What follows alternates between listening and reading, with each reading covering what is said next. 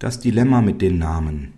Bereits vor dem Gang zum Standesamt steht das junge Paar oft vor dem Problem, welcher Ehename gewählt werden soll. Traditionell der des Mannes, modern der der Frau oder doch ein Doppelname, der die Interessen beider Ehepartner angemessen berücksichtigt.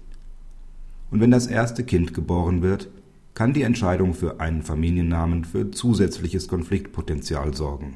In der in Heft 34 abgedruckten Entscheidung des BGH sind die Eltern das Verbot des Doppelnamens bei Kindern umgangen, indem sie den Familiennamen des Vaters als dritten Vornamen für das Kind ausgewählt haben.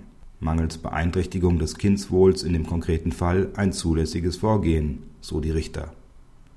Die Berliner Rechtsanwältin Dr. Nicola Koritz im Redaktionsbeirat der FPR gibt in unserem Interview Auskunft darüber, inwieweit an dem geltenden Namensrecht festgehalten werden sollte Führt die verheiratete Person einen Doppelnamen, so kann der zuerst geführte Name sowohl der Geburts als auch der Name des Partners sein. Wird bei allen privaten Schwierigkeiten der gemeinsamen Namenswahl das Namensrecht überhaupt noch seinen Funktionen, also Identifikation und Kennzeichnung der Abstammung gerecht? Ein Name identifiziert eine Person, unterscheidet sie von anderen, ordnet sie einem Familienverband zu und ist eben gerade nicht Schall und Rauch. Faust unterliegt an dieser Stelle leider einem Irrtum.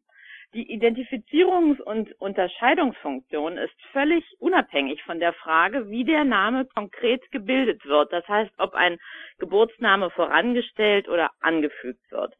Er dient der Individualisierung eines Menschen und wird Teil von dessen Persönlichkeit.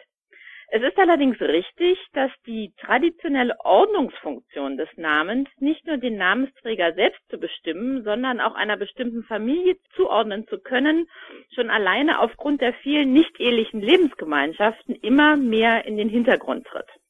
Die klassische Ordnungsfunktion erscheint mir aber auch nicht erforderlich, sondern ein Argument der bürokratischen Vereinfachung zu sein. In vielen Gesellschaften werden die Nachnamen anders gebildet als in Deutschland, ohne dass darunter die Übersicht leidet, wer zu welcher Familie gehört. Ein gutes Beispiel dafür ist China, wo beide Ehegatten nach einer Eheschließung immer ihren Geburtsnamen behalten oder der ganze lateinamerikanische Rechtskreis, der mit Doppelnamen arbeitet, die selbst in einer Familie variieren können. Sollte der Ehename wie nach geltendem Recht auch nach der Ehescheidung weitergeführt werden dürfen? Selbstverständlich. Alles andere wäre absurd und nicht mehr zeitgemäß. Paragraph 1355 Absatz 5 sieht in Satz 1 vor, dass der geschiedene Ehegatte seinen Ehenamen auch nach der Scheidung behält. Denn auch ein erheirateter Ehename, der sich vom Namen des anderen Ehegatten ableitet, wird mit der Zeit zum eigenen Namen seines neuen Trägers verdrängt dessen bisher geführten Namen und wird zum Teil seiner Persönlichkeit, und zwar unabhängig davon, ob die Ehe fortbesteht oder nicht. Paragraph 1355 Absatz 5 Satz 2 gewährt dem geschiedenen Ehegatten zwar das Recht, seinen Geburtsnamen oder den Namen wieder anzunehmen, den er zur Zeit der Eheschließung führte. Der andere Ehegatte hat jedoch keinen Anspruch darauf, dass ein früherer Ehegatte von der ihm in dieser Vorschrift gewährten Möglichkeit auch Gebrauch macht.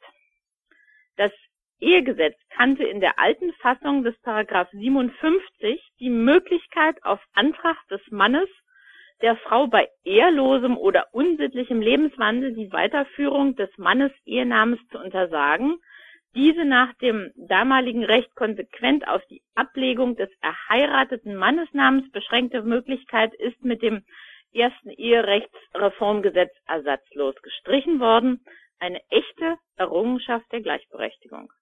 Mit dem im Februar 2005 in Kraft getretenen Gesetz zur Änderung des Ehe- und Lebenspartnerschaftsrechts können Ehegatten nunmehr auch einen Namen eines Ehemannes führen, den einer von beiden aus einer früheren Ehe mitgebracht hat. Daraus wird endgültig klar, dass es zum Glück keinen Anspruch mehr auf Ablegung oder auf Ablegen eines erheirateten Familiennamens nach Scheidung gibt in Spanien beispielsweise basiert der Name des Kindes eines Ehepaars auf dem ersten Namen des Vaters, gefolgt von dem ersten Namen der Mutter. Wäre dieses Modell eine Alternative für Deutschland?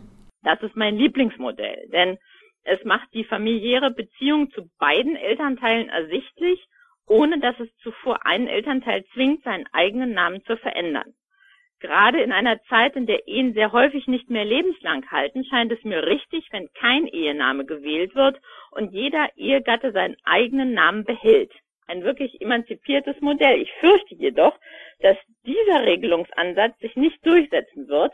Zu tief sitzt noch die Tradition, dass ein gemeinsamer Ehename gewählt wird und damit auch aus der Ehe hervorgehende Kinder keinen Doppelnamen erhalten. Andere EU-Staaten anderes Namensrecht. Sollte der in Spanien zugelassene Doppelname bei Kindern von deutschen Behörden anerkannt werden? Eltern, die jeweils ihren Geburtsnamen aus Überzeugung behalten haben, sind, wenn sie Kinder bekommen, plötzlich in der Situation, sich doch entscheiden zu müssen, welchen von beiden Namen ihr Kind tragen soll, da das geltende Recht Doppelnamen bedauerlicherweise nicht zulässt. Ausnahmen von dieser restriktiven Regelung gibt es nur nach Artikel 10 EGBGB, sofern einer der Eltern eine andere Staatsangehörigkeit aus einem Rechtskreis besitzt, der beispielsweise die Doppelnamenlösung zulässt. Leider lässt das deutsche Recht auch nicht die in den USA praktizierte sogenannte Middle Name Lösung zu, nach der die Möglichkeit besteht, den Geburtsnamen des Elternteils, der nicht Familienname ist, als eine Art Name sui generis zwischen Vor- und Nachnamen zu stellen. Prominente Beispiele sind Hillary Rodham Clinton oder John Fitzgerald Kennedy. Dies ist die Lösung, die die Eltern in der von Ihnen genannten BGH-Entscheidung gewählt haben, mit dem Unterschied, dass der väterliche Nachname in diesem Falle als Vorname bezeichnet und letztendlich auch in, den Geburt, in das Geburtsregister eingetragen worden ist. Das Ziel der Eltern war zwar ganz offensichtlich die Unmöglichkeit, einen Doppelnamen nach deutschem Recht für ihr Kind zu bilden, zu umgehen. Die Bildung von Doppelnamen entspricht dem natürlichen Bedürfnis der Eltern, die Zugehörigkeit des Kindes zu beiden Elternteilen durch Bildung eines Doppelnamens zu dokumentieren. Der EuGH hat sich bereits mehrfach mit den Aspekten des internationalen Namensrechts und deren Harmonisierung beschäftigt ohne dass es bisher jedoch zu einer abschließenden Klärung des Konkurrenzverhältnisses zwischen den Vorschriften des EG-Vertrages und den einschlägigen IPR-Vorschriften gekommen ist. Ich würde mir wünschen, dass auf diesem Gebiet mehr Klarheit getroffen würde und dass auch in Deutschland die Bildung von Doppelnamen für Kinder, deren Eltern nicht denselben Nachnamen tragen, zugelassen wird. Vielen Dank für dieses Interview, Frau Dr. Koritz.